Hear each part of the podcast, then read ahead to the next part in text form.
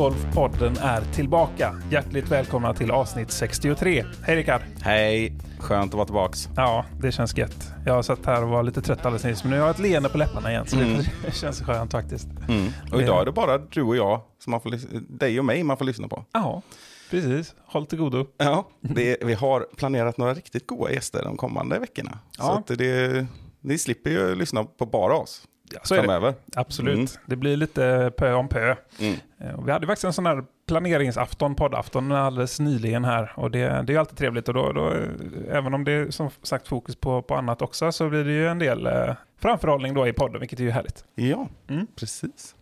Men- Härlig vår. Vi Ja. går till mötes. Verkligen. Man, man lika taggad varje år på eh, den kommande säsongen. Det är alltid massa saker som är på gång. Och så tänker man det här, det här året kommer bli bättre än någonsin. Och det blir ju nästan alltid också. Ja, det är underbart Ja. när du säger det, för det stämmer ju. För Gud vad discgolfen växer ju skönt. så mycket liksom. Så Ja, Det blir överträffar varandra hela tiden, liksom, åren som kommer. ja. Mycket härligt.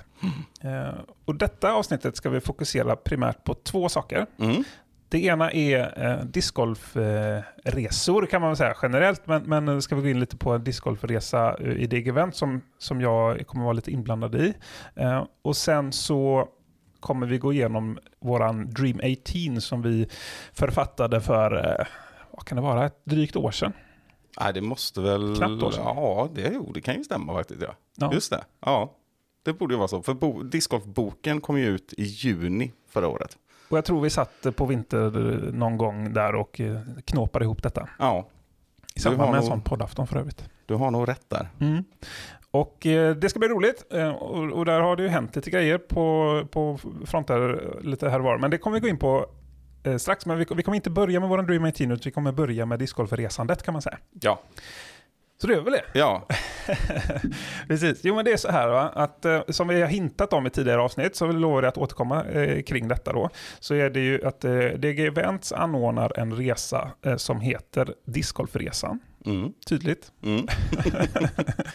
Och eh, där kommer det antingen vara jag eller Erik som åker med och, eh, och är host där. Vi har inte helt bestämt vem, men någon av oss kommer det vara som liksom anordnar den resan då. Mm. Eh, sen är det ju Erik som gör det administrativa och planeringen i grunden. Men, men någon av oss kommer vara, vara resande host. Troligtvis inte båda av flera anledningar. Någon behöver vara på Ale och sådär till exempel. Men det här kommer gå av stapeln då 25 till 28 maj. Och det kommer vara fokus på Skåneregionen Mm. eh, i år. Så det, det blir kul. Eh, ska vi gå igenom lite banorna där? Ja. Mm. Mm. Men jättebra. Eh, för där tror jag vi tillsammans eh, har spelat nästan alla i alla fall. ja, men det är undantag, nästan. Ja, precis. Jag, jag har nog spelat drygt hälften i alla fall. Mm. För de som är aktuella här, det vet man ju inte riktigt. Det kan ju bero på va? Ja. Är det? Det Ja, finns ett urval precis. som det Exakt. kan handla om. Det stämmer. Det, det, det som kommer inkluderas i den här eh, discgolfresan är ju att det kommer vara sju stycken PDGA-rundor och en eh, parrunda då, eller dubbeltävling eller vad vi kallar det för. Det är intensivt på Ja. fyra dagar med lite resa och allt möjligt också. Ja, precis. Eh, för det kommer ju vara tre nätter och fyra dagar då. Ja. kommer det vara. Och de här banorna som, eh, urvalet som vi pratar om då, det är Vinberg, Då Som- är vi i eh, Falkenberg. Eller? ja, Halland Ja. eh, i alla fall. Och eh, Halmstad, Då är vi i Halland. precis. Vallåsen, den är jag lite osäker på Ja, den vet jag inte. faktiskt. Det får vi kolla. Vi får kolla det. Ja. Jag, jag kollar nu. Mm. Fortsätt prata nu. Vi sätter på sån här hissmusik i bakgrunden Mm. här medan vi väntar. Men för den är jag osäker på om jag har spelat. Det kan jag inte. Jag borde också kolla om jag har spelat den för övrigt. Hoppas ni tycker om hissmusiken. Vallåsen. Heter den ens så? Eh, Ja. Den ligger ju i Våxtorp som många känner igen från, eh, som har rest på E6an. Eh, det ligger ju helt enkelt söder om Laholm kan man säga. Just det. Ja, ganska bra betyg också. 4,3. Ja, Mm. Ja, men den har jag nog inte spelat. inte jag heller. Eh, så den... Eh, det är nog en av de här nya som ploppat upp de senaste åren. Mm. Så eh, den är i alla fall en av de eh, som är med i, i valet här. Och sen har vi Eslöv. Trollsjön, eller vad heter det? Mm, det, är väl, det är väl synonymt va? Ja, jag tror det. Och så har vi Malmö Bulltofta. precis och Sankt Hans i Lund. Ja. Två stycken mer eh, namnkunniga banor om man säger. Ja. De har vi spelat båda två. Ja. Eh, Lite mer nyligen för mig kanske än för dig. Ja, så är det ju. Mm. Det var några år sedan faktiskt jag spelade någon av dem. Mm. Eh, däremot Åkerslund då? Har vi kollat på den? Nej, den tror jag också är en liten sån eh, nykomling i sammanhanget. Då är vi i alla fall i Hörby. Ja, just det. Det verkar vara en 14-hålsbana. Den har jag inte heller spelat. Lite ovanligt eh, antal. Den, har ju, den ser ju väldigt fin ut på bilderna måste jag säga. Eh, och ja, 4,6 i betyg för en 14-årsbana är det väldigt högt. Mm. Ja, eh, kul. Och sen Hässleholm som är en sån här bana som många håller väldigt högt eh, när den är i spelbart skick. För jag har förstått det som att det är lite så svartvitt där. Att antingen så ska de ha en tävling på gång och då fixar de ordning så blir det riktigt, riktigt bra bana. Eller så är det lite eftersatt. Ja, det är ju så som jag har förstått det. Nu var det några år sedan jag var där och spelade tävling. Och eh, jag vill ju påstå att eh, det fanns en väldigt, väldigt stark eh, person som flyttade därifrån. Det är nog så. Och som jag tror faktiskt är personen som kanske ligger bakom Vallåsen då. Så kan det kanske vara ja. Eh, och startat det här med Laholm och, och discgolf där. Men eh, Hässleholm är ju eh, enligt många tror jag en av de bättre tävlingsbanorna i Sverige. Ja, jag tror också det. det sen, sen så är det lite på grund av det vi pratade om då, som den går ner lite i betyg. Den har 4,0 till exempel. Ja, den kräver ju en del underhåll i alla fall. Sen, eftersom jag inte varit där så är det ju ryktet som säger att det, ja, men det, det gäller att åka rätt tid på året. Och, eller när den är underhållen väl. Om du säger att du inte varit där så menar du på ett tag, för du har Ja, väl på varit ett tag. Ja, precis. Ja. Jag har inte varit där på några år. Nej, exakt. Eh, Före pandemin måste Mm. det ha varit. Just det. Eh, Så den är ju intressant. Och sen, eh, sen har vi eh, Ängelholm. Den har jag spelat. Och Ja, jag har spelat en niohålsbana där. Ja, men de skulle ju bygga massa fler ju. jag tror det är Nioålan som är aktuell nu i alla fall. Jag Ja. tror inte de andra har hunnit upp till par så att säga. Eh, och sen ska resan också till Helsingborg och Brohult. Ja, och den var ju aktuell förra året på första NT spelades ju där. Ja, då var vi med och spelade. Du fick bryta. Ja, min enda tävling jag eh, någonsin har brutit faktiskt. Eh, och inte midround, men uh, mellanrunder och insåg att nej, det här, eh, det här känns inte bra. Nej. Nej. Så fick jag åka hem och vila i någon vecka istället för att åka till Danmark och sådär som jag hade planer på. Ja. Så kan det vara. Men den här resan, den går till lite så att det är inte någon eh, chartrad buss som jag förstår. Nej, utan man åker liksom, eh, man kommer överens om vilka som, som kör och så, och så gör man det på, på den vägen då. Mm. Mm, och sen så kommer det ingå greenfier, frukost och tävlingsavgifter i detta. Eh, och priserna ligger mellan eh, ungefär, ungefär mellan 3 och 4 500, lite beroende på om man vill bo i enkelrum eller dubbelrum och lite sådär. Mm. Och, och det här är cirka priser då så att säga. När vi nämnde detta tidigare så sa vi att det är ett jättebra sätt om det är så att man liksom kanske har eh, problem med att bo- boka upp med någon eh, man, du kanske krockar med, med dina polare du brukar spela med eller något och, och vill, vill bara testa att spela med några andra eller bara för att du tycker det låter som en kul grej eller för den delen eh, ett kompisgäng som vill vara med på den här resan. Liksom. Ja, Eh, och det är ju 36 platser och de lär ju fyllas. Ja, de har ju redan börjat fyllas faktiskt, Ja. så det är ju bara ett tiotal platser kvar tror jag. Så in och hugg. In och hugg. Så eh, nej, det blir spännande, eh, helt klart så. Och då är det att man får, eh, jag tror det är deadline är typ den 15 februari på detta, för att man ska bekräfta liksom. Mm. Um, och då är det eh, Erik man ska mejla, vilket är melgren.dgevents.se kan vi säga. Melgren.dgevents.se. Men det är ju kul det här med sådana här eh, lite uppstyrda resor. Ja, Det, finns det mer av det? Jag har ju ett, ett exempel, men jag känner inte till några fler egentligen. Ja, inte på det här sättet, men det, det som vi är på väg in i här är att eh, ibland så det, eh, kan klubbarna arrangera typer av Ja. resor. Och vi hade ju en eh, förra året till exempel när vi åkte så träningsläger i Mösseberg, lite mer lokal resa. Men Mm. det, det var ju jättekul initiativ och en bra grej. Ja, Men vi, i var ju, år- vi var ju 23 stycken och klämde in oss i några campingstugor och Ja. lite festligheter på kvällen för det var bara vuxna med. och, och träningar och tävlingar. eh, En, en första test att göra något sånt i alla fall Mm. var det. Och det var kanon. Och i år så slår ju Tvåstad discgolfklubb på lite större trumma. Jag gick ut i alla fall med en intressekoll med att åka till Åland. Mm. Och då var det faktiskt, eh, det var en annan i styrelsen eh, som var initiativtagare till detta. Och det hänger ju lite grann ihop med att jag har med Åland att göra också. Så ta, där var tanken att vad kul det skulle vara att göra det under den här Åland Open-veckan. Ja. När det är massa ståhej. Eh, så där satte jag ju ihop lite sådär. Eh, hur man kan, lite information och hur man kan resa och det ena och andra. Jag tänker om det är någon annan klubb som är intresserad av att göra detta. Det är ju lite grann snabba ryck nu. Mm. Men då hör av er till mig. Jag har ju ett färdigt koncept där. ja, det är ju smart faktiskt. Ja, nej men då, det, är, det som brukar vara en sån här stor, det pratade vi om redan i första, när vi var på Åland du och jag. Det här Ja. med att vi, vi, vi upplevde det som en någon sorts mental tröskel att åka till Åland, att eh, det hade varit lite krångligt och sådär. Det var det ju inte. Det var ju svinenkelt. Man, oftast är det ju lite högsäsong då i slutet av juli så man ska säkert boka resa och sådär. Men det är ju inte särskilt dyrt heller.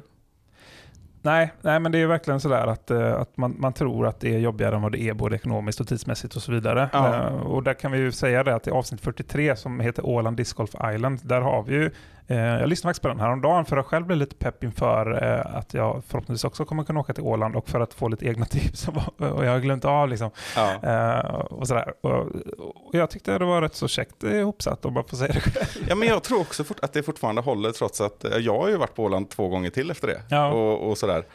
Men jag tror att eh, vi satte det väldigt bra. Ja, men det kändes också som att det var liksom en, en lagom nivå. Så, så in och lyssna på det. Eh, och även om ni har gjort det innan så kan det liksom vara ett bra sätt att eh, få lite, få lite eh, tagg. Ja, ja men exakt. Nej, men just den här veckan kommer ju bli så himla häftig så att där la jag upp det som att ja, men, det kan vara en resa för klubbmedlemmar som antingen vill spela Åland Open, för det finns ju en massa amatörklasser också, eller bara vill åka dit och spela på de andra banorna. Det är ju 15 stycken som står lediga trots allt. Ja, under veckan och, eh, och eh, titta på när, nu fylls det ju på med duktiga spelare. Mm. Kristin Tatar ska spela Åland Ja, det Open. är roligt. Det är häftigt. Ehm, sen, eh, nej men just det där med resan, jag kollade också upp eh, igår faktiskt på, på förekommande anledning för Mm. att eh, tjata lite på folk som tycker ska åka, eh, vilket jag tycker alla ska. Men då, då det finns ju sådana här enkla resor då från Grisslehamn, där vi är en bit upp i Uppland kan man Mm. säga. Eh, färja därifrån, tur och retur till Åland under den här veckan, alltså i juli under högsäsong. Det skulle kosta 340 kronor per person om man är två personer och en bil. Ja. Och det tar två timmar en väg. Den där mentala tröskeln ska vi nog rasera, tänker jag. Sen kan man ju ha det lite trevligare att åka Viking Line in från Stockholm om man vill. Och då tar det några timmar till och mm, kanske lite finare båt och sådär. Mm. Men eh, det behövs ju inte. Det är inte dyrt Nej, och det är inte svårt. nej. Och det är antagligen kul. Ja, det är förmodligen väldigt, väldigt roligt. Eh, så tänk på det. Ja, Ja. men gör det. Och då har vi som sagt det här avsnittet, avsnitt 43, att falla tillbaka på. Och vi kan ju också hinta om att vi kommer ha en mer eh, djupgående avsnitt om Åland Open, där vi, där vi bryter ner det lite mer framöver. Mm. Eh, och det är ju ett gyllene tillfälle i och med att vi har dig som är med på tåget så att säga och har all, all juicy information där så att säga. Ja, exakt. Och som, som en del av någon sorts styrgrupp där, eh, Åland Open, så är ju grejen också att vi har ju mer och mer information ju längre det går. Ja. Allt är ju inte 100% spikat mer än att det kommer bli helt otroligt. Ja, Ja, det är därför vi avvaktar lite också med det här avsnittet Ja. tills vi har eh, nästan allt åtminstone. exakt. Det är ett halvår kvar. Men det börjar bli dags att eh, skriva upp sig där, så gå in och kolla. Amatörklasserna kommer bli grymma. Mm. Kul, men det kanske blir en bra eh, punkt för segmentet eh, resor och discgolf. Det tycker jag. Eller discgolfresor i alla fall. Ska vi prata hål och banor? Ja, och discgolf. Kanske. Ja. ja, men det gör vi. Och eh, för att återkoppla lite då, vi har nämnt tidigare, men i den här boken som David Stark och Patrik Arve har skrivit som heter Discgolf, bra namn på en bok, Ja, 18 hål i mitt hjärta. ja, undertitel. Mm. Och det är just det här 18 hål i mitt hjärta, det är också rubriken för vårt avsnitt som vi har med här. Och det är Mm. flera som har gjort liknande avsnitt. Men vi, vi är, eh, eller Discgolf-podden har, eh, har en då Dream 18 i- som är inbakad i den här boken. På sida 150, för den som undrar. Mm. Och vi var ju några stycken som fick eh, det här ärofyllda uppdraget att, att göra en, en ja, 18-hålare Ja. med våra favorithål och sådär. Vi valde ju lite speciella kriterier själva. Ja, Eh, precis. alltså vi, vi- hade ju fria händer från eh, David Stark. Ja. Och, och vi valde att hålla oss eh, nationellt. Ja. Och vi valde att inte ha med Ale för att eh, den var inte aktiv när det här eh, begav sig. Nej. Eh, Men där, i och med den brasklappen så tänkte jag att vi, vi sparar det till sist och så går Mm. vi igenom lite av våra favorithål på Ale efter det här. Ja, och det som har hänt, för det känns ju som att det var ännu längre än ett år sedan vi gjorde den här. Eller Ja, hur? det Det, känns känns som att det är väldigt länge sedan. Det har hänt mycket sedan dess. Ja, det har hänt mycket, bland annat det vi pratade om i eh, avsnittet här om sistens. Mm. Det är ju att vi har spelat väldigt mycket nya banor. vi har spelat, eh, vad var det, i alla fall du 120 någonting och jag 130, 140. Helt Eh, nya, ja. Precis, ja, helt ja. nya banor bara sedan dess. Mm. Och några av dem har ju varit väldigt bra banor. Ja. och så. Men vi kan ju inte sitta här och rabbla upp vilka hål som borde varit med eh, från eh, Tampere, Frisbeegolf, Kesku. Nej, Eh, eller för den delen Guldkusten. Tjärna Sandtag eller Guldkusten Mm. eller vad det nu kan vara. något sånt. Eller det kan vi göra, men vi kommer inte göra det. Nej, det, det, det skulle kännas lite menlöst tror jag Ja. för både, framförallt för er lyssnare tror jag. Ja, och det är inte meningen att vi ska sitta här och eh, prata ner våran, eh, våran faktiska Dream 18 som är i boken, utan den står vi fortfarande för. Absolut. Eh, Men att... eh, Eller det är fortfarande väldigt bra håll som är, om man säger så. Ja, exakt. Och det, och det är ju så här att det, det var ju inte lätt. Nej, Det var ju inte lätt då att plocka fram 18 hål. det var huvudbry. Men det vi, det vi kan, eh, vi släpper det därefter så är det ju bara att det är 18 väldigt bra hål enligt oss. Ja. ja, det är det. Och sen förstår, förstår vi att inte alla kommer hålla med om allting, för det här är ju eh, ganska subjektivt. Ja, Eh, men vi lyckas hålla med varandra ganska bra här, vill jag påstå. ja faktiskt. Och jag tror vi hade något hål sådär som där, där du fick liksom så här att ja, men jag har spelat den här banan men du har inte gjort det, men den här, det här hålet borde vara med. Och så, Ja. Absolut, och så vice versa. Då. Ja. Eh, men eh, vi, ska man sammanfatta det med att vi gillar ju gärna par fyror och par femmor också. ja, det blir ganska högt par på våra 18 år. Ja, vad blev det nu? Ja, det kommer jag faktiskt inte ihåg här nu, men äh, det, blev, det blev ganska högt. Om inte annat så är första hålet ett par sexa till exempel. Ja, exakt. Ja. Hint, hint. Ska vi, vi börjar redan här tycker Ja, jag. jag tror det också. Ett, det, det, det var ju kanske det mest givna hålet att ta med. Ja, det är ju väldigt speciellt och det vi pratar om är discgolfterminalen, eh, svarta slingans hål 1. Mm. Och där får vi direkt slänga in en liten brasklapp här, för det var ju SM här eh, 2022 och då spelade man inte riktigt detta hålet. Nej, Eh, Men det är ju det som, det, det är fortfarande samma 10-position som det är hål 1 på svarta slingan som man spelade på SM. Men i år var det som ett par 4 och sen ett par 3 som man hade liksom, det var den slingan som egentligen är par 6 Mm. något kortad dock för att de har byggt en rondell i ena änden Mm. där. Men eh, om man vill liksom föreställa sig det så kan man tänka sig att slå ihop hål 1 och 2 och, Och sen så en- 15 meter till ja ungefär. exakt. Nej men det är ett eh, otroligt häftigt hål och det enda par sexan i Europa tror jag. Och Mm. det finns nog något i USA, men det är väldigt ovanligt med par sexor. Och det var ju verkligen en par sexa skulle jag säga. Ja, men det är nog eh, de flesta som håller nog med om det tror jag. Ja, och då, jag, skulle, jag tror det finns sådana här invändningar att det gjordes en del birdies när det har varit stora tävlingar. Ja, men jag tror inte det var så många och det var, då var det Ricky Wysocki liksom. Alltså, det ska, han ska väl kunna få göra en birdie. Ja, om man tycker det. och, och framförallt var det väl inte, det var väldigt ovanligt med en trea där. Mm. Eller vad säger jag, en fyra. Fyra, jag hade varit igel då. Ja, det kan ju inte ha hänt ofta. Och då är det ju trots allt en par sexa. Mm. Och det, jag tror att alla, och, inklusive, alla som lyssnar, inklusive oss två, skulle nog inte tycka att det var för enkelt att kalla det par sexa när vi spelar. Nej, jag tror inte det heller faktiskt. Jo, intressant då. Vi kan ta det som exempel här. Första rundan på SM. Svarta slingan. Det som då var par fyra nu, eh, motsvarande, då var det en procent som fick birdies på det hålet. På den första rundan. Ja. Så det, då kan man få ett, eh, ett begrepp om att okej, det är ett par tre till efter det. Då var det en pro- procent som lyckades eh, hamna nära korgen, kan man ju säga, på tre kast. Ja. Och då var det en par trea kvar. Ja. Så att, eh, och ja. Eller nära korgen på två kast blir väl då, så att man puttar för birdien. Eh, Ja, just det. mm, Mm. Till par fyra. Mm. Exakt. Men hur som helst, det, är, eh, det, är, det var 2% circle hits där. Ja. Så det, det var, då var det ett tufft par fyra liksom. Mm. Helt klart. Men ja, eh, kul med stats. Mm, vi hoppar vidare då. ja, det gör vi. Och då är vi ju på ett väldigt, väldigt signaturhål. hål. Ja.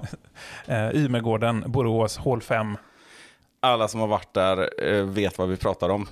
Mm. Jag, har, jag har beskrivit det flera gånger tror jag. Det här att man redan någon gång vid hål 3, hål 4 på Umeå börjar känna det där lite pirret i magen. att snart ska jag få kasta ut på hål 5. Och ringa i klockan där uppe Ja, för att exakt, folk ja. inte ska få diskar i huvudet när de plockar svamp. Ja, det har många element i sig det där hålet. Och det är ju, nu är det ju drygt 200 meter långt Mm. mm. numera. Och kraftigt utför. Här får man ju flyga länge. Och par fyra ska vi säga. Ja, par 4. Mm. Eh, häftigt. Ja, det är, ett- det är ett coolt hål. Eh, och eh, även om ni inte varit där så tror jag många känner till det. Men, men eh, försök att spela det vid tillfälle. Eller i hela Ymegården är ju spelvärd såklart. Ja, Mycket trevligt. Jag tror vi, vi får nästan hoppa på och hoppa ja vi vidare här va? Vi går vidare. och då kommer vi till en annan förhållandevis aktuell förbundstävlingsbana, Rydskogen. Och Linköping är vi ju i då. Mm. Hål eh, 17, ett eh, par fyra med en sån eh, vacker skogsfairway liksom och som sen viker av till höger med, med en green lite sluttande med eh, en stenmur som markerar eh, ungefär gränsen mellan eh, strax utanför Bullseye skulle jag tro. Mm. Eh, eller ja, någonstans mellan Bullseye och Circus Edge kanske. Ja, det, är det är ju ett kort par 4, 141 meter. Och jag som spelar par med Anton Lind där har ju också sett att det, det kan vara i kortaste laget, fast ändå inte. För det, det hjälper ju inte att du smackar på för långt heller då. Nej. Och det är lågt, det kanske inte är så lågt i tak, men det är ganska lågt i tak.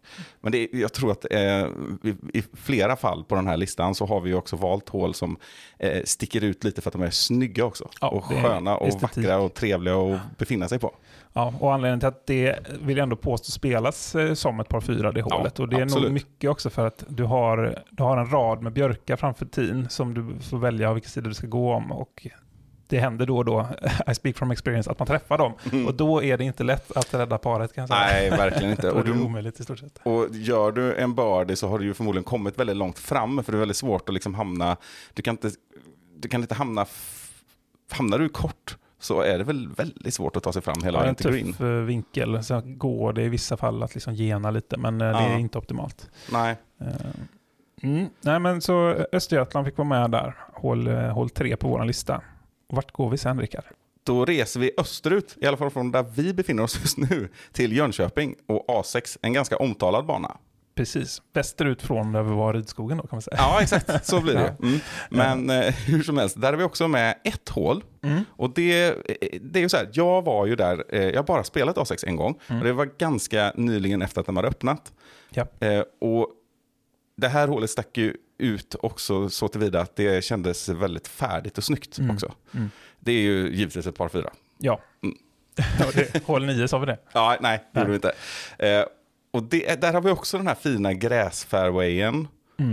Eh, att man får Svagt kasta. sluttande neråt också så, Ja. så man liksom känner att här kan man unleasha liksom. Den känslan får man. Ja, precis. Man får, disken får flyga Mm. och det är härligt.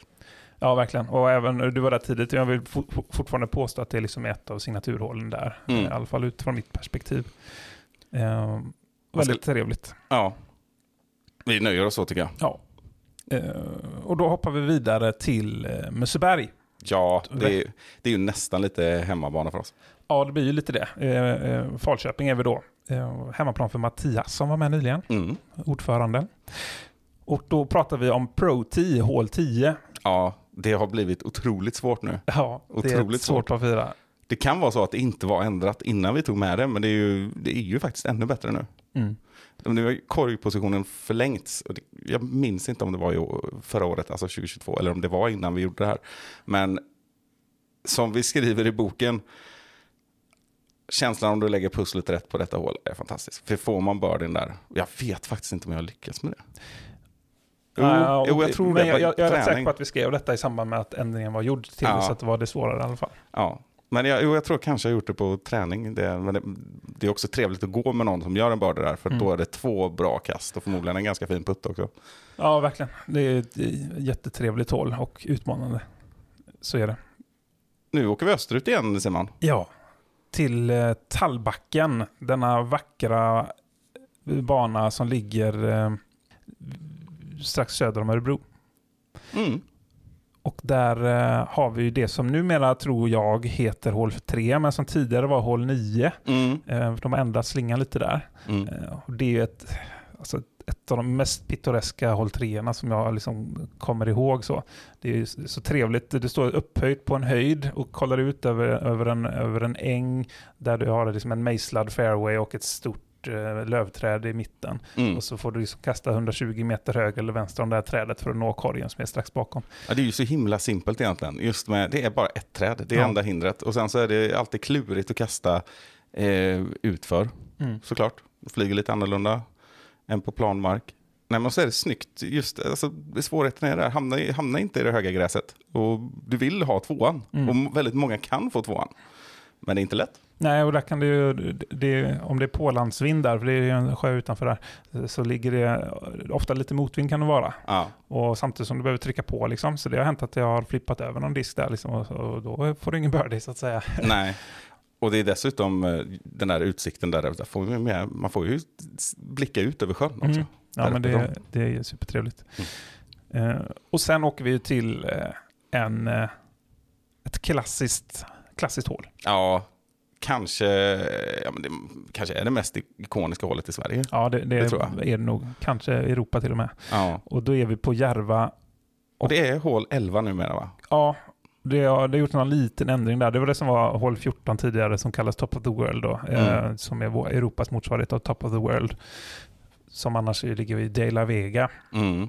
Och där är det väl ännu mera höjdskillnad än det på det här hålet visserligen. Ja. Men, eh, men det är ändå en vacker utsikt där på tal om det. Och jag tror också att de som har spelat båda banorna skulle nog ändå säga att det här är det bättre hålet tror jag. Det tror jag nog också.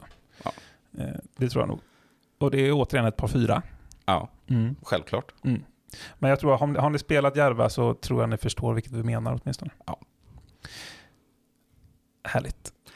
Brickeberg, Örebro, har några fina hål. Örebro. Örebro. Och då är vi på hål 14, det som vi tror var hål 15 tidigare. Och då är det Pro Tee som vi pratar om. Mm. Det är också ett par fyra. Ja, det är klart. Nästan 200 meter långt och i likhet med flera andra, man kastar från en höjd. Ja. ja, det är ju något visst med det. Ja, det, det är är det. bara att, att, att svälja det liksom. Exakt. det är mycket roligare att kasta ner för än uppför. Ja. Eh, Och det blir ofta mycket mer sceniskt. Ja, och det här hålet har jag, jag har ju sett eh, Robin Willman göra ett fantastiskt kast här. Han var ju nästan framme på green alltså. Ja, Man det är sjukt. Inne i den där sista träkorridoren. För man ska ju alltså kasta ut över en fairway där det ändå finns träd och buskar. Det är ga- ganska öppet men eh, du får inte falla för mycket för då är det OB till och med på vänstersidan om du är högerhänt backhand-kastare. Och dessutom Mando på högersidan. Just det, och det vill man ju hålla sig undan. Så är det. Mm. Ja, Willman är en av våra svenska långkastare. Som Mm. vi för övrigt borde ha med i podden snart. Ja, ja, det, det kommer. Mm. Sen ska vi till Jenny. En, eh, en klassiker på svenska discgolfkartan och eh, i, i dessutom ett väldigt discgolftätt eh, På spåret-område. Ja, kan man säga. Västervik. Ja, och det, det här är nog inte det hålet som de flesta tänker på när de tänker på Jenny. Det är lite av en, eh, en doldis, Ja. vill jag påstå. Kan nog vara faktiskt. Ja. Och det är hål 17 vi tog med. Ja, precis. Det, återigen, det har, ju, det har ju likheter med till exempel Rydskogen, hål 17. Just det här, eh, höga träd, mycket stammar, gräsmatta i skogen. Eh, Ja. Vackert. Väldigt fint. Och svårigheten är att du måste göra två bra kast. Mm. Du kan inte göra det halvdant och du får inte hamna i ruffen för då, det, då kan paret vara kört. Men det är egentligen inte så himla komplicerat. Men du ska, har du, ja, du må, halvdant räcker inte. Nej, Nej precis. Du måste, det, det är mer ett tekniskt par fyra än ett, eh, ett långkastat par fyra. Ja, det är 166 meter. Och det är inte så värst långt. Nej, de flesta kan ju, kan ju kasta 80 meter två gånger och vara i Ja. cirkeln om man säger, men det, det behövs mer än så här. Ja, På tal om att det behövs mer än så.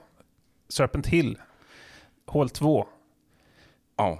Där hade jag bekymmer på eh, nationella turer.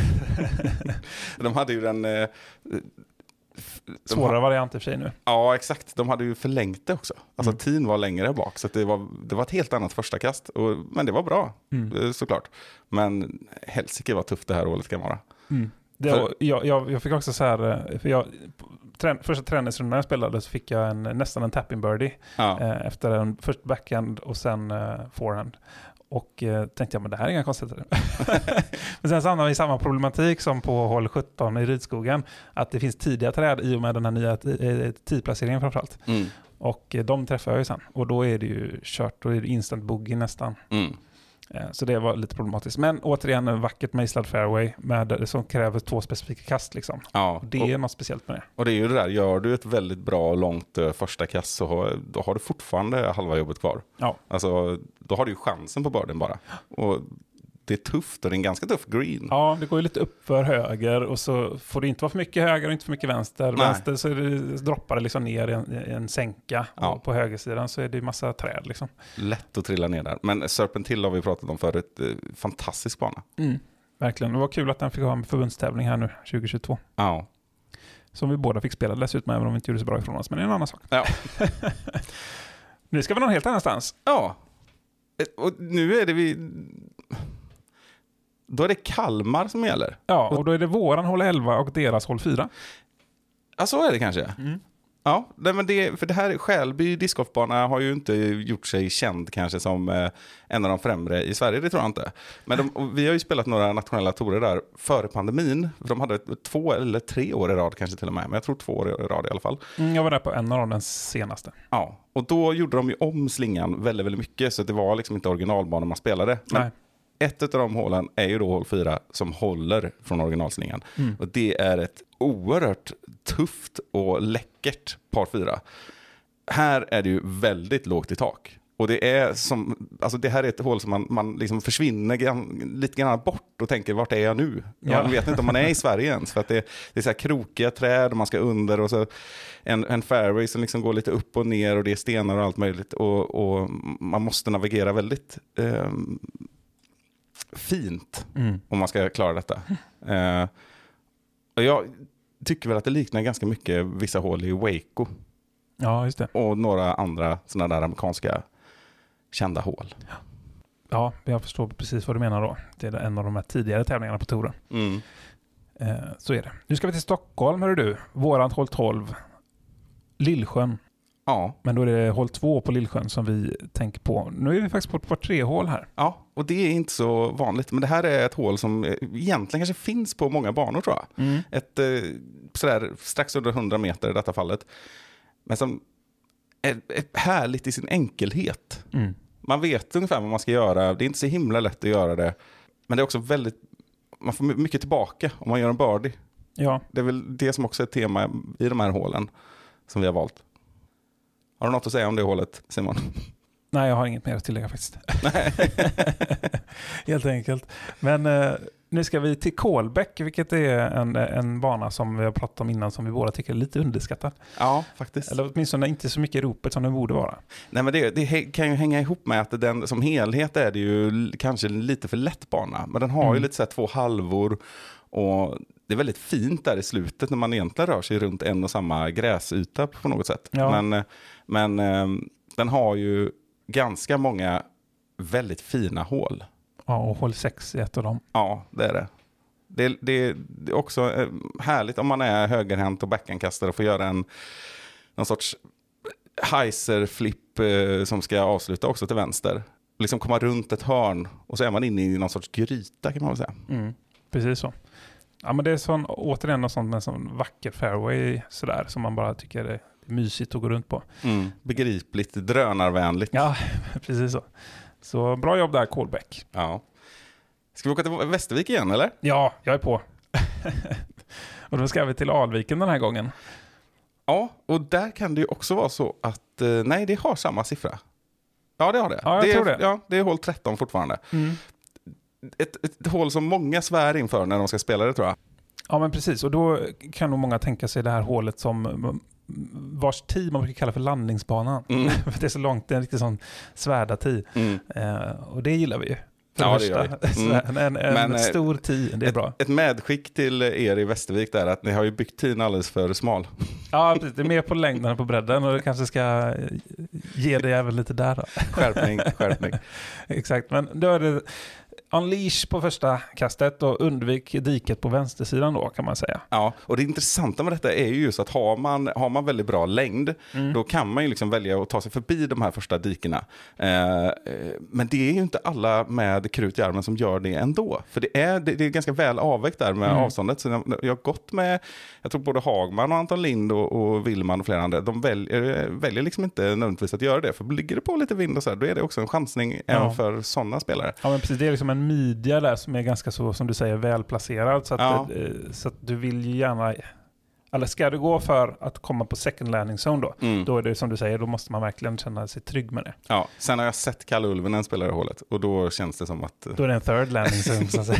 Ja, nästan. Han kan ju putta sig fram till korgen och det, Ja. det känns som nästan orättvist. Ja, men, Men- där, men greenen här är väldigt vackert eh, och lurigt belägen. Ja, exakt. För Hamnar du för mycket till höger då, sett från 10 eh, på första hästet, då, då är det knepigt. Mm, Jag har gjort en otroligt fin börde där, om jag Ja, får skryta. ja, det får man ibland. Just just jag hamnade ganska långt till höger. Mm. och fick ta en sån här, ett driverkast på, med- backhand, med liksom anhyzer hela vägen och så bara ve- vek upp Ah. och planade ut och så la sig så här nice. åtta meter från korgen eller något. Ett av de vackraste kasten ju. Ja, Det blir sådana backhand turnover som gärna också kommer tillbaka lite grann i slutet. Liksom. Man ska försöka komma ihåg det när man gör ett halvdant kast, att men nu har jag chansen att göra något fint här. Precis. Om den där klassiska sägningen man gör ett dåligt kast på par tre, men nu har jag chans att sätta en snygg putt istället. Exakt. Mm. Så ja, nej, men absolut. Eh, mm, kul. Alviken förtjänar ju vara med här överlag så på ett hörn. Många bra hål där. Ja. Sen ska vi faktiskt tillbaks till eh, Luleå. ja, Serpent Hill är ju såklart värd eh, två Mm. hål på Ja. den här banan. Ja, men absolut. Har vi sagt att man borde åka dit? Åk dit. Men kanske inte så här års tror jag det är dåligt. Ja, det är nog eh, 60 meter snö. Jag höll på att säga 60 centimeter i alla fall. Eh, Vi valde ju hål 10 här. Mm. Det är kanske inte heller ett hål som sticker ut så himla mycket. Men det har ju den där klurigheten. Alltså dels är det vackert och det är Mm. ganska ty typiskt Serpent Hill-hål. Men det har den där svårigheten att du får, om, om du då kastar en backhand återigen och är högerhänt, då, då vill den gärna ut OB till vänster. Men sen den vill så Japp. himla gärna dit. Det, det, det är som att det drar åt sig diskar. Så här krävs det ju att ha förmågan att kasta väldigt rakt. Mm. Och du får inte hålla på och lägga dig för kort heller, för då, då är börden borta. Och det finns ju något sorts lite buskträd Mm. eh, som är där på andra kastet för oss eh, dödliga. Som är, är så otroligt välplacerat. För hamnar du lite till vänster så måste man liksom göra en heiser. Alltså det går inte att göra en heiser. Då, då kommer du träffa det och du kan inte gå Mm. till höger om det om du ligger till vänster så att säga. Nej. Då får du flexa och sådär. Alltså det, det är alltid i vägen den där lilla, lilla enbusken tror jag det är. Ja, det kan nog stämma. Ja, men absolut. Och så en, en ganska guarded green är det Ja. väl. Eh, och så.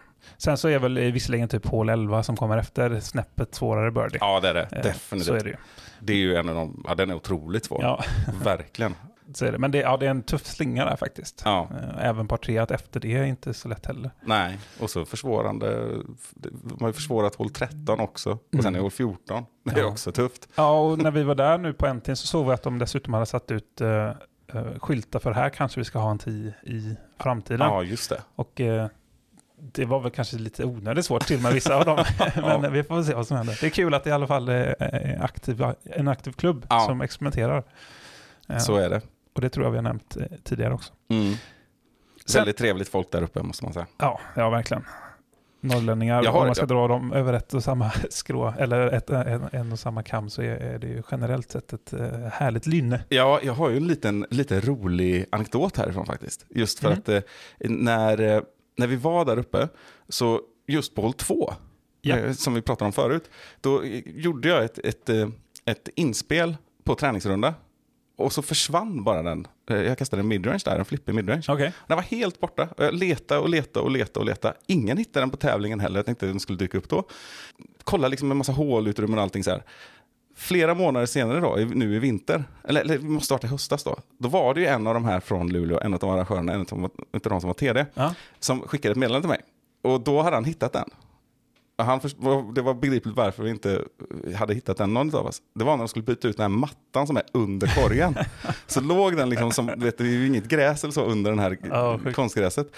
Så låg den liksom nedtryckt där i jorden. Så hade glidit in under mattan. Så jag hade ju parkerat hålet. ja, det är typiskt. ja. Men den, var, den hade ju ingen hittat om det inte var dags att byta matta. Nej, shit. Vilken, vilken osis. Ja. Eh, helt klart. Nu har vi tre hål kvar här. Är två va? Nej, tre hål kvar har vi. Ja, precis. Och då ska vi långt söderut från Serpentil, eh, sett i alla fall. Säkert 140 bil.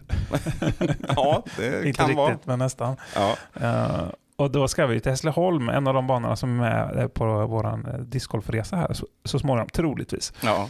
Eh, Jag tror 140 bil är en bra gissning. Ja, det kan vara det. Ja. Men ja, det, just det, och det här är ju ett väldigt speciellt hål. Du har ju inte varit där.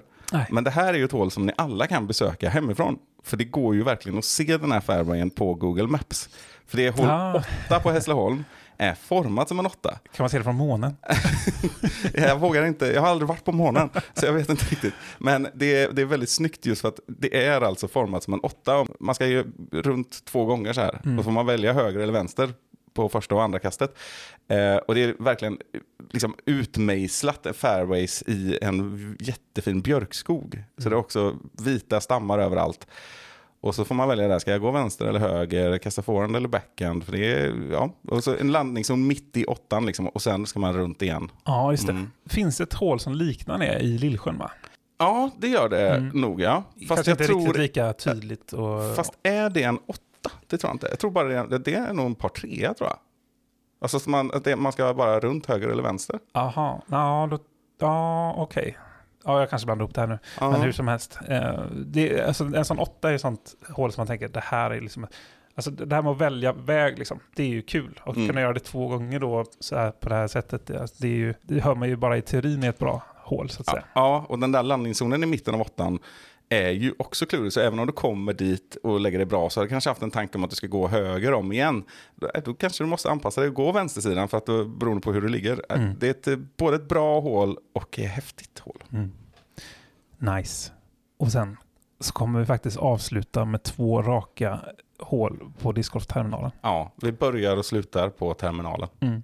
Precis, och nu kommer vi fokusera på den röda slingan här. Och då är det hål 10 har vi här. Alltså ett klassiskt backhandkast eh, för högerhänta då. Alltså inget, alltså, det här är lite som det här eh, hål 2 på Lillsjön. Kanske, kanske egentligen inget jättespeciellt hål, men, men eh, det ska göras och det, det är fint. Det är med en sån upphöjd kulle i, i, i slutet och, och det är ju alltid ett plus i min bok. Mm. Eller så alltid, men du fattar vad jag menar. Både estetiskt och att det blir en extra twist så. Ja, drygt 100 meter. Birdien liksom skriker åt den att man ska ha birdie. ja. Men den Men är inte självklar. Nej, precis. Kanske inte den heller att man tänker att det hålet är självklart här, men, men eh, vi fick en känsla av att det skulle få vara med. Ja, Så fick det vara det. det är no några liksom härliga par trehål på den här slingan ändå. Mm. Som man får vila lite i när Ja. man ska gå den här banan. Exakt. Och sen ska vi bara två hål fram till, hål 12, Rickard. Ja, och det är ju ett väldigt minnesvärt hål om man har spelat eh, på terminalen. Mm. Det har, har ju alltså, dels så ska du ju, här ska du också välja höger eller vänster, runt Ja. liksom en skogsdunge. Och sen har vi vatten inblandat, som du måste ta Mhm. hänsyn till. Korgen står ganska, väldigt nära vattnet, på andra sidan vattnet. Japp. Så det är en liten damm. Eh, och vill man då lägga upp sig innan, och då kan man ju liksom gå för putten, men det är väldigt långt. Mm. Då, får, då är du ju utanför cirkeln och lite till väl, eh, förmodligen. Det är nog... Och, eller om du då ska gå för att eh, komma hela vägen över vattnet på första försöket. Ja. Det är ju ett snyggt hål 18 faktiskt. Om, Eller, det, ja. om det hade varit det. Men Ja, jag menar det. På ja. våran bana är det ju det. Eh, Men det jag hade ju liksom, eller jag vet inte. Nej, det kanske inte är typiskt uh, hål 18. Men det, det, det öppnar ju upp för det där att någon måste vara offensiv och lägga sig nära korgen och gå över vattnet. Ja, nej, men jag tycker det är bra eh, hål 18. Så, eh, det ska Ja. vara ett eh, eh, särskiljande hål vill man ju ofta. Och att det kan liksom vara spänning in i det sista. Och det känns som ett sånt hål, definitivt. Mm. Ja, men det, det, det känns bra att avsluta där vi börjar åtminstone. Ja. Vad tycker ni som lyssnar om det här? Ni får gärna höra av er och säga att det där hålet, varför har ni med det era tokstollar? Nej, det får, behöver ni inte säga. Men däremot kan du säga vilken du vill ha med. Ja, exakt. Vilket, vilket är ditt favorithål som du har spelat? Det är ju kul att höra. Ja, det är faktiskt jättekul. Jag hör jättegärna av er om det. Ja. På tal om favorithål. Vi, som sagt, vi gillar ju att prata om det. Och eh, vi, vi tänker att vi hoppar in lite då i Ale Ja. och eh, bryter ner. Vi kanske inte behöver gå in så mycket på blåa banan just, men vi, vi kan ju prata om vita och gula framför allt. Ja, exakt. Ja, men det, det finns ju tre banor på Ale och den blåa är en niohålsbana som är Mm. en av de bättre niohålsbanorna jag har spelat i alla fall. Ja, men den fyller den funktionen väldigt bra för nybörjare och uppvärmning och sånt. Ja, exempel. tekniskt läckert och så. Och det, Mm. Sen har vi ju den gula banan som som är otroligt bra. Den, det är ju den mest populära banan. Ja, den brukar ha flest antal spelare rundor så att säga. Ja, och det, och det fördelen där, där finns det ju många fina hål och vi har ju Snäckebäcken, hål 4 och sådär. Mm, Eh, för mig är den kanske ändå sådär att det är helheten som gör den. Ja. Alltså att det är... Det ställer många olika krav. Du har hål 11 när du ska göra en nästan omöjlig Anheuser om du är högerhänt backhandkastare. Mm. Eh, för där är det ju inte lika bra med forehand, eller hur? Nej, det kan jag hålla med om. Ja, och, och du har... eh, Ja, men du, har, du ska kasta åt alla håll och med massa olika diskar Mm. och, och klara av det. Och det sätter fingret på någonting som jag tänkte, jag kom på att vi eh, tänkte vi skulle nämna det här eh, med eh, apropå Skånebanorna som vi ska resa ner till och Mm. att det inte är så välrepresenterat i våran Dream 18, förutom det här Hässleholm hål 8 då, Ja, så är det ju my- mycket att till exempel Bulltoft och Sankt Hans är ju väldigt bra banor, men återigen samma sak här tror jag, att, att det är mera helheten som gör det, än kanske specifika signature hål. ja. Eh, Fick vi sagt det också. Mm. Men, och jag håller helt med dig, att det är liksom en, en, Ale Gul är liksom en, en, en genomgående trevlig skogsbana ja. eh, som utmanar på så många olika sätt. Och Ja, sen men- finns det ju Pro Tees också då, eh, på några, på några håll. ja. Men ska vi nämna ett par av våra favoriter ändå från, eh, från gula banan? Ja, men det kan vi göra. Mm. Lite så här, lite på rak arm blir det faktiskt i det här fallet då. Ja, Och då har ju, jag är ganska enkel på det sättet att återigen så gillar jag ju par fyrorna här då. ja. Eh, faktiskt kanske inte Snäckebäckens är inte mitt favoritpar fyra hål av dessa, utan då gillar jag ju snarare hål, eh, 14. precis, det som kallas för krocket, Just det, tycker jag är ett väldigt trevligt hål. det är det. Eh, och då är det första kastet mer tekniskt eh, än, eh, än långt. Mm. Du ska igenom ett mando och eh, du, du, du behöver distance control där, samtidigt som du ska navigera en ganska smal fairway ändå. Mm. Och där behöver du liksom landa rätt för att kunna ge dig chansen på andra kastet. Mm. Eh, Och där behöver du trycka på ganska mycket. Eh, Så det är liksom dogleg right där andra kastet är längre än första. Och det är ju, på tal om när vi pratade om eh, Mösseberg hål 10, Mm. att känslan att ta en börde på det hållet är ju, jag har nog bara någon enstaka liksom. Alltså Mm. det är ganska sällan som jag lyckas med båda de grejerna för att komma fram dit. Ja, ja, det är oerhört häftigt Ja, att göra bara det. Det har jag gjort många gånger. ja jo, det tror jag faktiskt. Ja. Nej, kanske inte så många gånger. Men, eh, det, är, men det, det ställer också de här kraven på en som spelare som, man, Mm. som är härliga att klara av. Mm. Ja, Eh. absolut. Och sen har vi ju, alltså det är så många fina hål. Jag har svårt att plocka ut någon favorit på Ale Gul. Och det, Mm. det säger mer om banan än alltså, att den är bra. Mm. Mm. Den har det mesta. Och just det, hål 14 är ju intressant, för när man tänker på Ale Gul, eller det beskrivs ofta som en lite enklare bana, lite kortare hål och sådär. Alltså den hade ju, det hålet till exempel, hade ju, det är ju banne mig inte lätt. Det hade Nej. ju kunnat smälla in på vilken mästerskapsslinga som helst nästan. Ja, jag håller med. Och det, sen finns det ett hål 13 innan till exempel också, det tycker jag är väldigt utmanande. Otroligt häftigt också. Mm.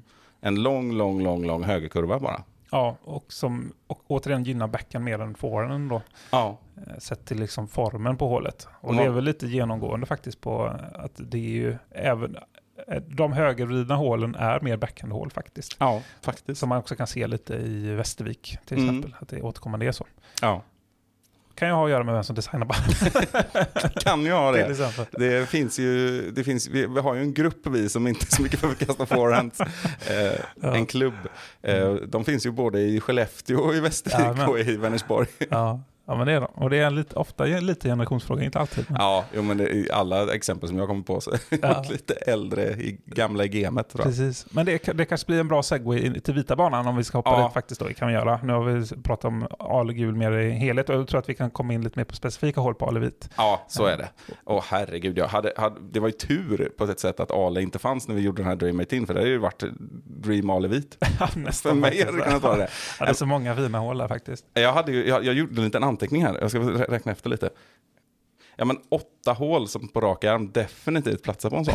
Ja, ja, det kan jag tänka mig. Och för mig, om vi ska hoppa rakt in i det, eh, håll 1 absolut, håll 2, där har vi två hål för övrigt. Mm. Men kanske inte de som vi håller högst här. Men håll 3 är ju ett av mina absoluta favorithål, alla kategorier faktiskt. Ja, eh, det, jag börjar också där på Mm. min uppräkning. Alltså hål 3 och hål 4. Ja. Eh, Magiska hål som man har saknat så himla mycket. Mm. Hål 3, berätta, vad gör du på tid? Ja, där har du en halv åtta Ja, kan man säga. För där ska antingen jag ska runt en dunge helt Ja, enkelt. det ska runt en dunge och det är också en liten damm där med eh, ett, eh, ja, det är väl 90 meter vill jag påstå, till eh, 95 kanske, till eh, sweet spot.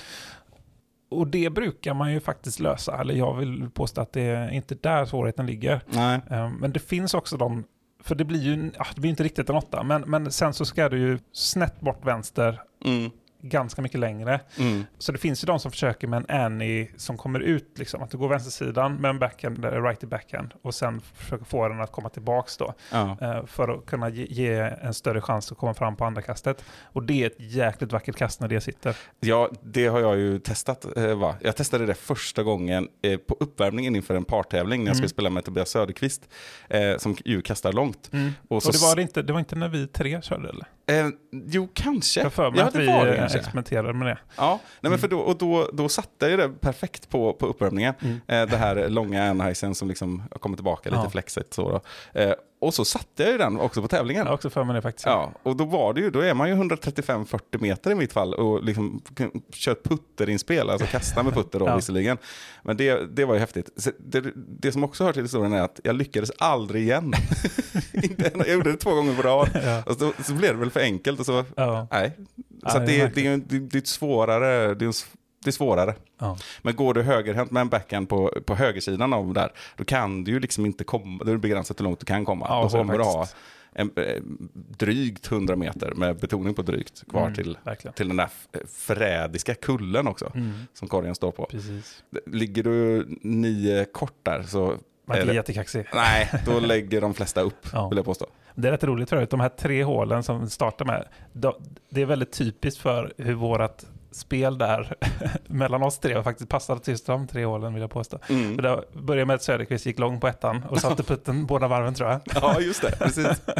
Och vilket ju är, det måste ju varit ett 130 meters kast båda gångerna. Minst. Ja, minst, ja, Ja. absolut. Ja. Eh, Och lågt också. Ja, precis. inte, ja, precis. Han, mm. Mm. Eh, och det talar för hans styrkor. Och håll två, det var det innan vi spelade ihop så jag, är det något jag kan bidra med så är det i alla fall håll två på vit. och där är ju sjukt nog, där låg jag ju med min efter tre som jag kastade då, Mm. eh, med forehand, låg jag ju lutad mot stolpen båda varven. Ja. Det är ganska sjukt ja, faktiskt. Så jag, jag gjorde fall det jag sa att jag skulle göra. Ja, exakt. Så jag gjorde inte jättemycket mer, men det är en annan sak. Nej.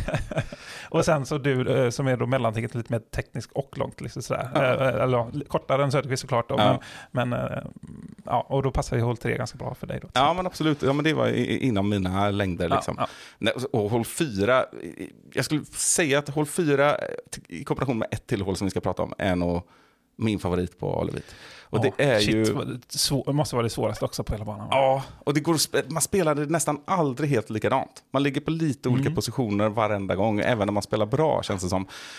Och det här är också legendariskt, jag tror det var 2016, 2017 när det var en nationell tour, eh, en svensk nationell tour och Seppo Pajo var där Ja. och gjorde en eagle. Han Mm. gjorde roller, roller. Precis, för det är ett långt par femhål ska vi säga, Ja. i, i liksom skogsmiljö. Ja, och han var väl till och med lite lång efter två kast. Då. Eh, det är ganska otroligt. Jag har också sett eh, ett av de finaste kasten jag har sett någonsin. När Linus Mm. eh, låg lite halvdant efter första kastet och gjorde något helt makalöst andra kast. Han också var förbi korgen. Och han låg alltså Mm. tight högersidan för tidigt Sjukt. in på nästa fairway där. För det är som att det är två olika fairways med liksom Mm. en större yta i mitten. Ja, exakt Eh, så. Och det var, det var helt otroligt det kastet han gjorde där. Mm. Ja, ni som inte är med på vad vi eh, pratar om här, eh, kan ju vara ett tips kanske att ta, ta fram YouTube och sök på, eh, på drönarvideor och kolla lite på de här hålen vi pratar om här. Ja. För det kan vara värt det. Och sen skulle ju i alla fall jag hoppa över lite hål 5, som är ett häftigt hål. Men hål 6 är Ja. ju det som, om man inte har varit på Ale, men har sett lite bilder från Ale, då har du förmodligen sett tin på hål 6. Exakt, det är som en stor veranda i stort sett, fast det naturligt eh, utstakat liksom. Så Mm. att säga. Och eh, ja, jättevackert. Och, och du har ett plant, långt första kast med eh, lite träd i mitten. Och så sen ska du uppför en Mm. ganska bra bit. Och här är det inte många som når green på två kast. Nej, det är det Det inte. är ett par fyra återigen här. Ja, och känslan är lite grann att eh, hela hålet eh, lever upp till hur fint tin är. Ja, jag håller med. Och Det är ett jättebra hål. Stor tid är på något sätt. Ja, exakt. Ja, nej, så den, den hade nog också dykt, eh, eller varit med. Sen tycker jag nästa hål inte kanske platsar. Nej. Hål 8 kan man säga en liten bubblare, för det är ett sånt där underskattat hål. Ett hu- hu- 110 Mm. meters typ in i skogen. Floaty Heiser. Ja, exakt. Men det är ett trevligt kast. Eh, relativt många kan nå det. Det är, ett, det är ett sånt där hål som borde finnas på varje bana kan jag tycka. Mm. Och som hade, det hade funkat, det hade kunnat vara på gula banan och det kan vara på vita. Ja, nej, men det är, det är ett bra hål Mm. som kräver känsla. Vår vän Tobias Fransson, som vi har, var länge sedan vi nämnde i podden nu tror jag, men med lite tidigare. Han med de gula stövletterna för den som minns. Var det, var det inte rosa? Ja, vad sa jag? Gula? Ja, Ja. ja. jag var inne i Ale-färger. Rosa stövletter, mycket riktigt. Mm. Och han eh, tycker inte om det här hålet. Nej, nej, nej. Men det är väldigt lite av ett forehandhål också. Han är väldigt mycket av en forehandkastare. Ja, så är det. Eh, Men sen kommer vi till det mer eller mindre legendariska hål 9 vill jag påstå, där som Lisotte hade putt för Eagle med en, med en roller med sin PD var det väl något sånt där. Ja, det Vilket är galet med tanke på hur långt det hålet är. Ja. Det är Eller att rolla en PD. Ja, ja, bara det liksom. Men ja, och, och, så det är stor öppen fairway och så ska ju ner mot, eh, tillbaks mot liksom själva centrat och så eh, med en upphöjd korg på en kulle där. Ja, du är ju liksom som på en driving range och det går lite utför. Det står ju också avstånd på stolparna. Det är Ja. el, eller telefonkabelstolpar tror jag väl. Mm, det kan nog stämma. Ja. Ehm, nej, ska vi hoppa över hål 10 och 11 också? Ja, vi hoppar vi direkt till tolvan. Det har vi nog signature-hålet nummer ett tror jag ändå. Mm, det är, ja. ja, det måste det ju vara. Mm. Men det... Ales det top of the world lite grann. ja, exakt. Par 3, 100, jag tror det är 160 meter. Ja, jag tror också det är strax över 160. Inte många som når hela vägen fram, men eh, gör man det så blir man ganska nöjd. Ja, på tal om det, där har man ju sett både mm, faktiskt Tobias Fransson och Melker Molin göra circle hits med forehand till exempel. Mm. Och det är ju imponerande. Ja. Nej, men det, är, det är ju mycket mer tekniskt än egentligen att kötta på. Sen så är det klart att kastar du bara 80 meter så kommer du ju aldrig kunna komma fram. Men det, det är liksom, du måste hålla dig också på någon sorts tyglad flexlinje eller liknande eller Mm. heiserflip och sådär. Och det är mycket luftig rörelse där uppe. Ja, helt, Felmarginalerna skojar man inte bort här. Liksom. Alltså, det blir lite, lite fel från tid, det blir så jäkla fel liksom, Ja. när det kommer ut en bit. ja, börjar du liksom få för mycket flipp då, eh, då är det hej då. Mm. Det är Och- nog många som har sagt hej då till sina diskar där uppifrån. hej då! kan man tänka sig. Ja, det, det är ett stort område man kan hamna på. Ja. Och mycket letande om man eh, inte sätter detta. Men eh, ett fantastiskt hål. Ja. Där, där också, jag, på The Open, som man kan gå in och titta på på YouTube från Mm. 2018. Då spelade jag första rundan med Jeremy Coling. Mm, och vi häftigt. startade på det hålet. Fan, du måste vara glad då när du fick den lottningen.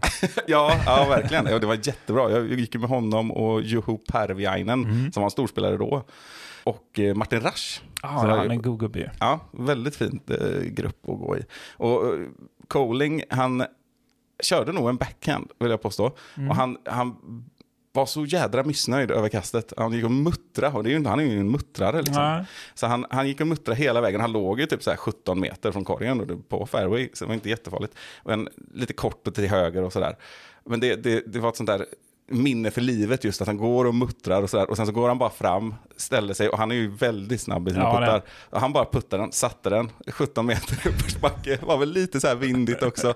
Och så liksom fortsatte muttra. Sen var han glad igen när han kom till nästa tid. Men det var liksom där, va, välkommen in i matchen liksom. Ja. Så här, nu, nu är det inte... Är det inte en, en, en lokal C-tier jag Nej, spelar här, det, utan precis. nu är det de stora grabbarna som gör så här. Eh, utan att jubla liksom, sätter den där putten. Jag tror det säger en del om hålet också. Att Ja. man, man är där uppe och man vill verkligen göra ett bra kast och se den flyga. Liksom. Så jag kan förstå muttrandet ändå. Ja, men absolut. Jo, han, eh, han ska ju inte vara nöjd med det såklart. nej. Här. Men eh, ja, ett minne. Mm. Sen kommer faktiskt ett av mina eh, favorithål att spela åtminstone. Jag tycker det är så roligt att spela hål 13. Mm. Eh, För det är, det är så väldigt tekniskt. Samtidigt som det kräver ändå ganska mycket längd. Mm. Eh, Ja, det här är, det, det är...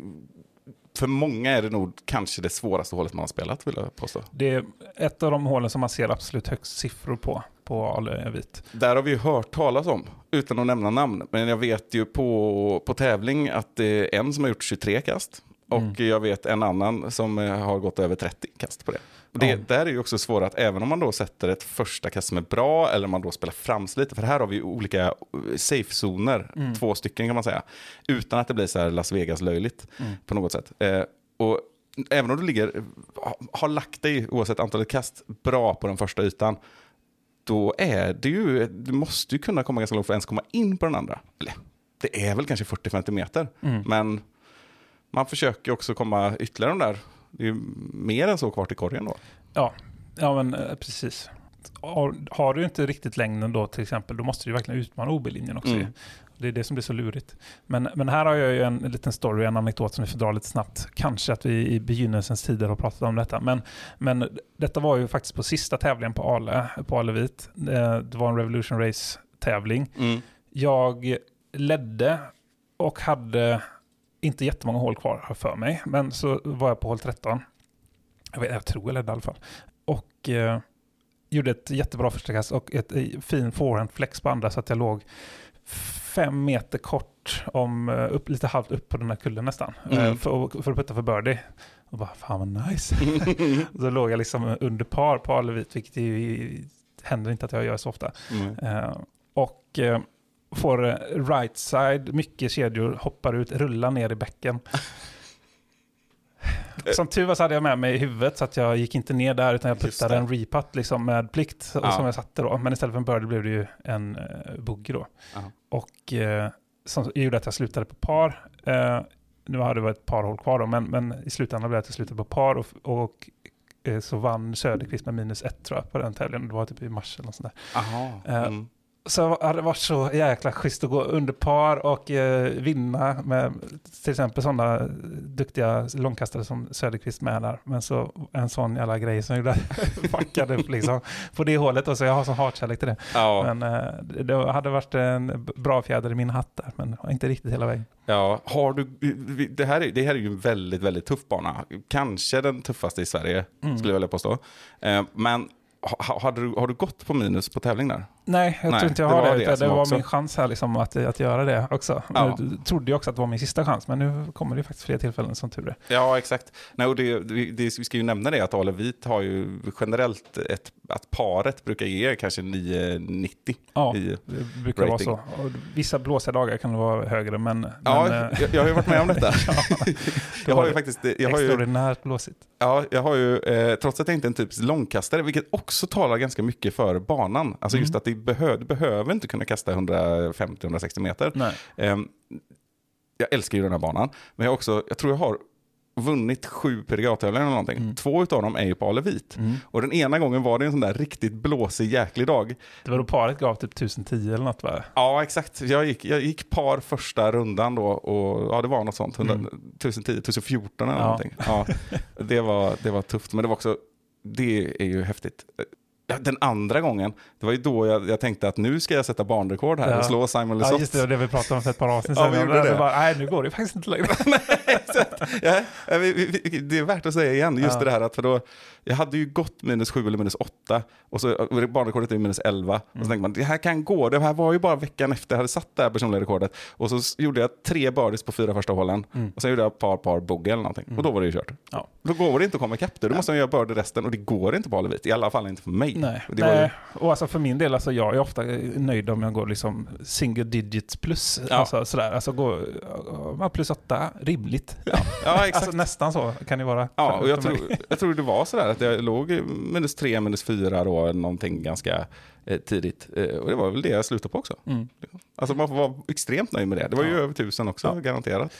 Ja, nej, den, eh, den eh, kan vara bita ifrån rejält. Alltså. Men det är också en sån bana som du, du, du vet det. Så att du blir, alltså du, som, lite som Mattias, du kan inte gå runt och bli arg på boogies där. Liksom, Nej. För då blir det inte kul. Nej, och du måste alltid ha en tanke att eh, kan jag göra paret därifrån då? Ja, men då är det bra. Mm. Spela på det då. Mm. Inte göra något dumt Ja. eh, beroende på situationen. Liksom. Håll 14 och 15 hoppar vi väl över lite. ja, och så kan vi dra 16, 17, 18 lite snabbt kanske. Ja, exakt. För det är ju en Vi kanske till och med otroligt hoppar över slinga. dem Ja, men lite så. Eh, alltså, hål 16 är ju det där andra hållet. Jag- Mina två favorithål är ju hål 4 och hål 16. Ja. Hål 16, Du gillar par femmor. ja, ja exakt. Det är ju banans enda två par femmor. Ja. Ja. Och där, eh, ska man beskriva det, ett träd på, vid utkastet som gör Mm. att man måste liksom, och det är OB på både höger och vänstersidan, men det är Japp. gott och om plats liksom. Ja. Eh, så att det är rimligt och det är, det är ruff så att du vill inte vara där ändå. Så det, det är nästan bra att det är OB om man säger så. Mm. Eh, och eh, nej, du måste ha väldigt bra känsla på första kastet. Och ändå, du får inte hålla igen för mycket. För då Nej. måste du kötta väldigt mycket på andra. Och så ska man in sen, vänster, upp i skogen, eh, i en kurva.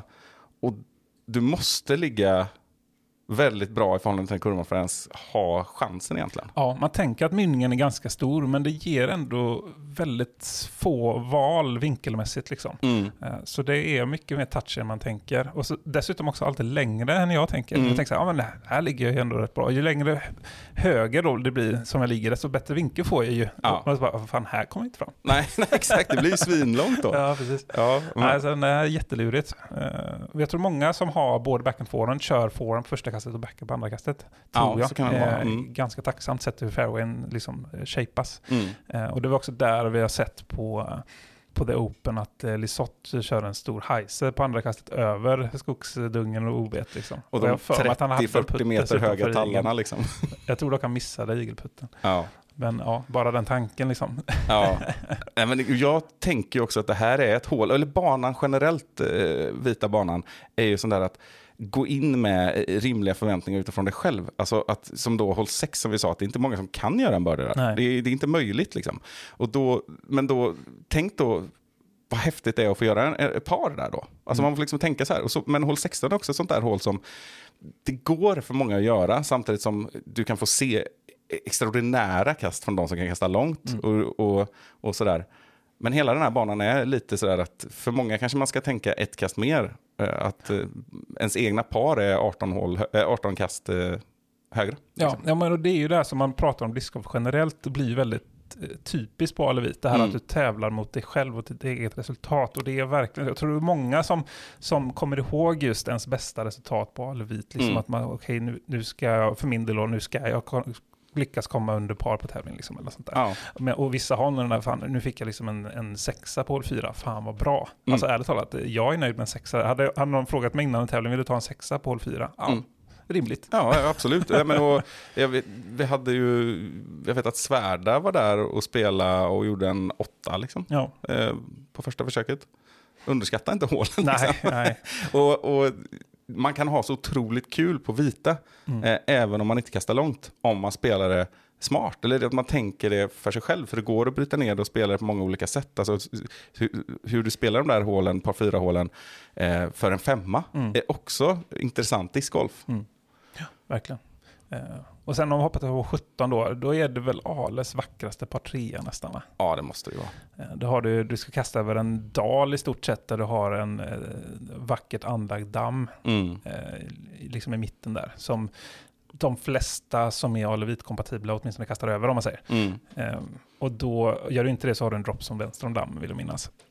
Har Eh, vi 130-140 meter till eh, korgen kanske? Ja, åtminstone 130 tror jag. Ja. Och där får vi nästan ge en eh, shout-out till Emil Blom. Ja. som gjorde ett av de vackraste acen jag har sett eh, på, på video. Ja, Jag tror det var någon av dalenarna som filmade där. exakt. Och där är det, han var, den plockade väl Jomes upp eller någon liknande och Ja. spred ganska väl. Verkligen, och, och med rätta. Ja. Alltså shit vilket ace.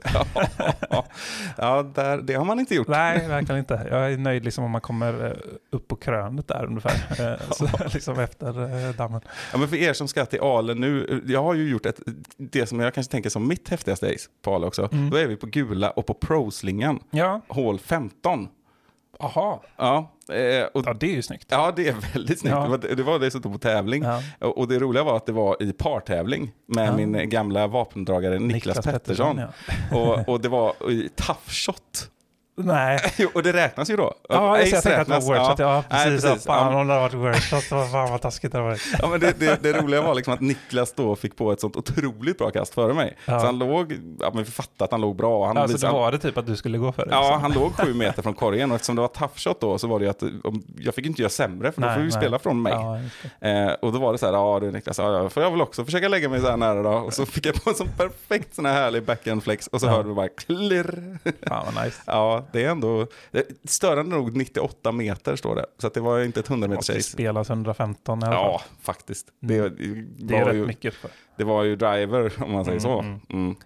Ja, ja, men coolt. Ja, det var Eh, häftigt. Coolt. Också i, det sammanhanget. Ja, precis. Vi, vi, vi tog ju liksom i snitt 3-4 kast på alla det kan jag tänka mig. För att det, det är ett sånt hål i tough shot som, eh, det är inte lätt att göra trean ens liksom. Nej, det är det verkligen inte. Ja, det är ganska vanligt tror jag att man slukas upp på vänstersidan där man försöker göra en backhand flex. Liksom. Ja.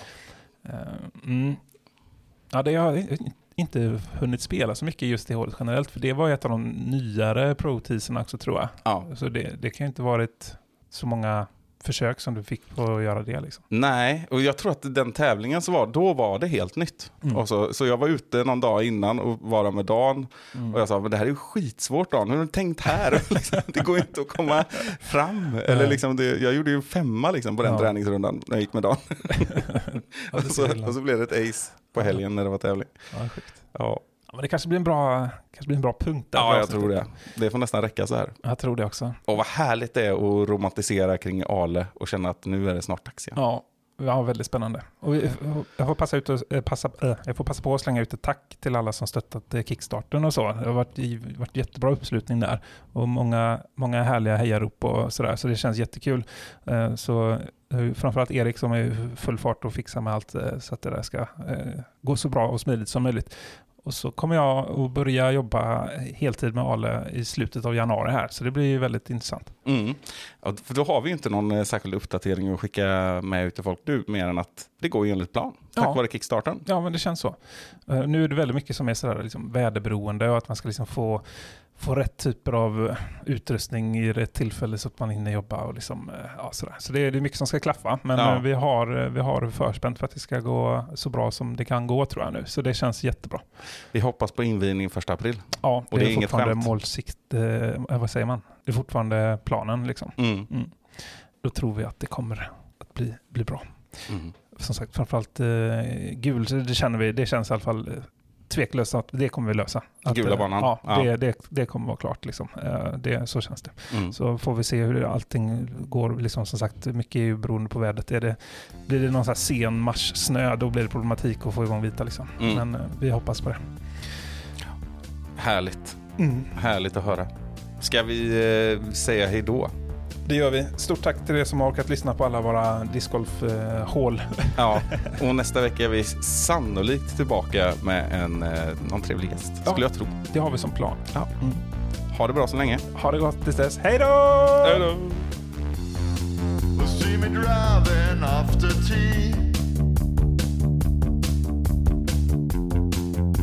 Weather's looking good. Got bag full of tricks. Yeah, I got them spinning. I'm listening to music you can't hear.